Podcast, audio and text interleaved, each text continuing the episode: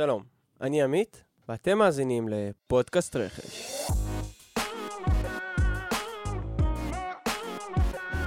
שלום חברים, אה, ברוכים הבאים לפרק השני של פודקאסט רכש של חברת סוויפט.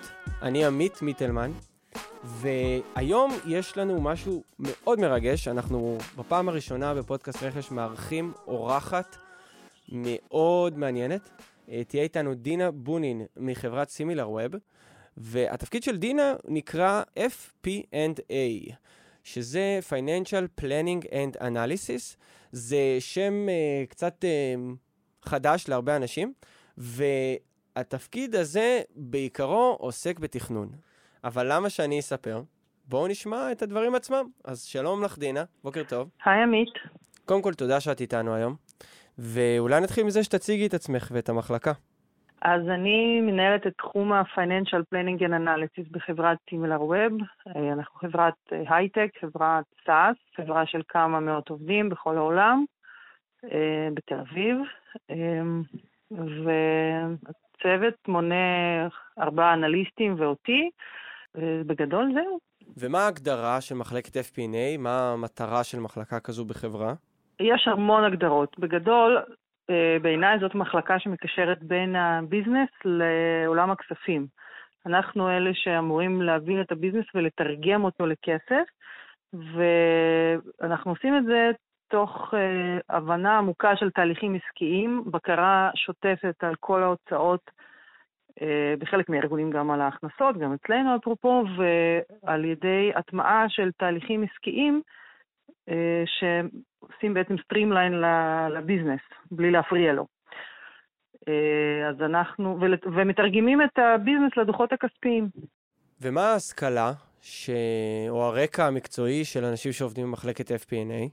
אני מגיעה, מ... אה, אני בהכשרתי כלכלנית, מנהל עסקים, בעיקרון זה חייב להיות מישהו עם תואר פיננסי, לא חייב להיות רואה חשבון, יש לנו בצוות גם רואה חשבון, גם כלכלנים, פשוט אה, רקע פיננסי אה, או מתמטי כלשהו.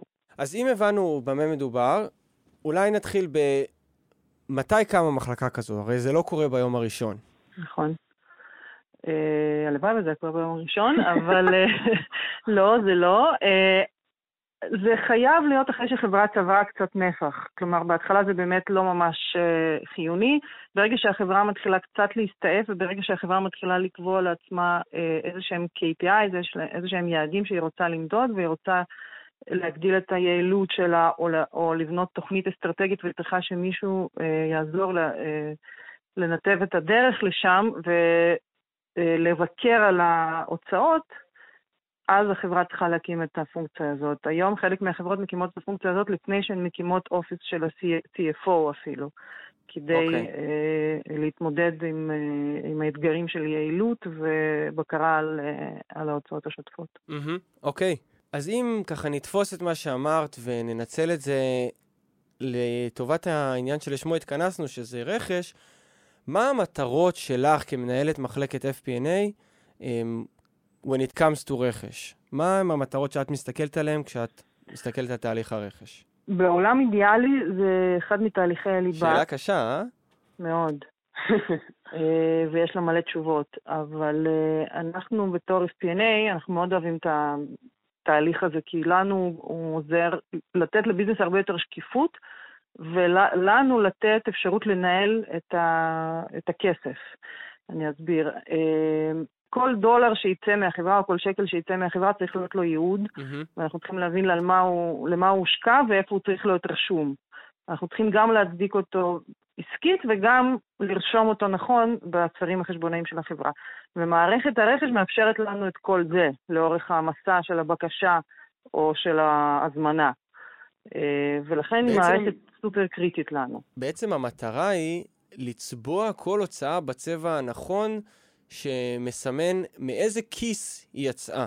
לצבוע מאיזה כיס היא יצאה ולהעביר אותה אה, מסלול אישורים מתאים וברור לכולם. קחי אותי לסוף, איך זה מסתיים?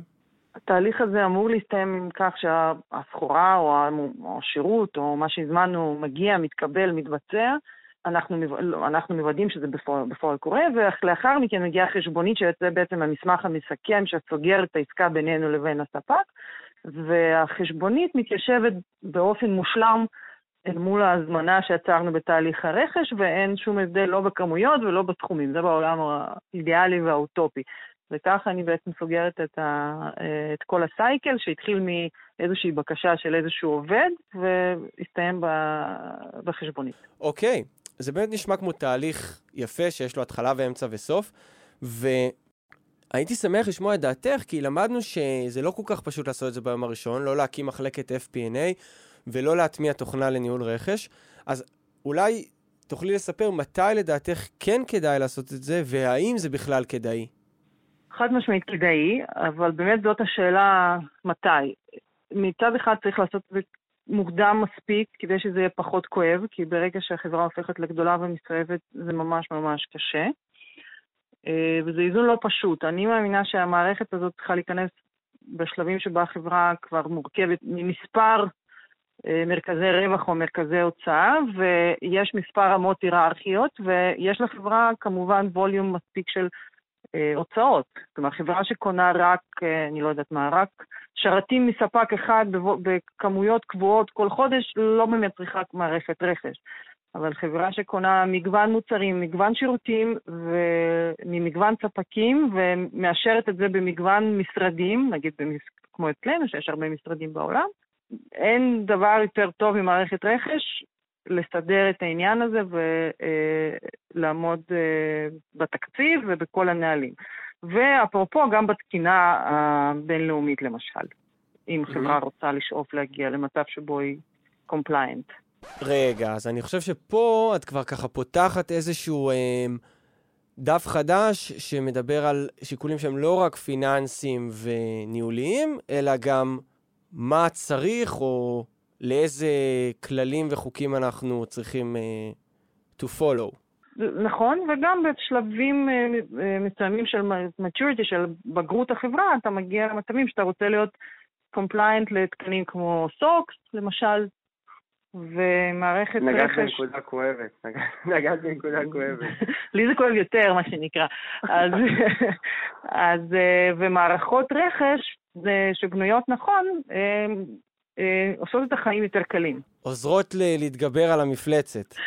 נכון, נכון. הזכרת, אני חושב, באחד המשפטים הקודמים, שהחברה מחלקת את הכסף שלה לכיסים, לקוסט סנטרים או מרכזי אה, הוצאות, ובראש כל מרכז כזה עומד מישהו. נכון. אז מי הוא אותו המישהו הזה? בגדול זה מנהל של אותה מחלקה או, או חטיבה או whatever אה, קורה באותה חברה, והוא הבן אדם שאמור לשמור על התקציב, שמקבל תקציב ומנהל אותו ומתנהל בתוכו לתקופה. אני אכניס פה את הביטוי budget owner, וה-budget owner הזה מבחינתך כמחלקת FP&A, הוא גורם שאת מפקחת עליו, או גורם שאת אה, נותנת לו שירות? מבחינת, מבחינתנו כ-FP&A זה אה, מישהו שאחראי להוציא את הכסף, ואנחנו נמצאים לידו כדי לייעץ ולכוון ולהגיד, יש לך את הכסף, אין לך את הכסף, היום אולי לא כדאי להוציא, אולי כדאי לחשוב על משהו, אבל זה אותו בן אדם שבעצם מחזיק את הארנק.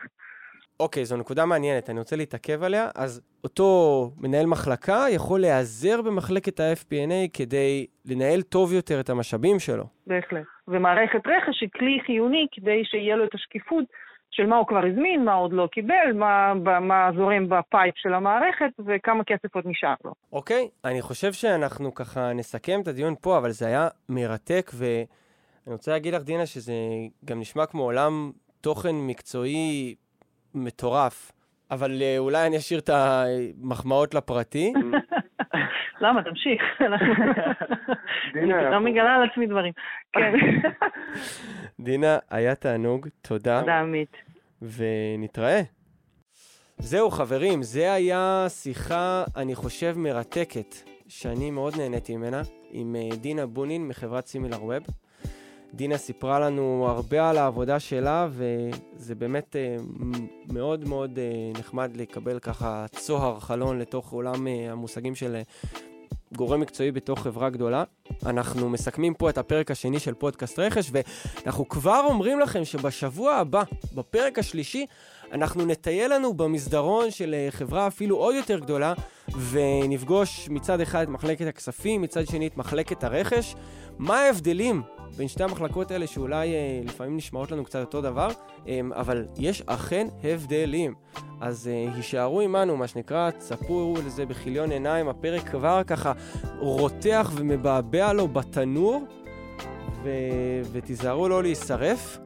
אז uh, זהו, אנחנו, אני הייתי עמית מיטלמן, איתי העורך, המפיק המוזיקלי והלב, הלב והקרביים של פודקאסט רכש, יובל ביגל. תודה לך, יובל.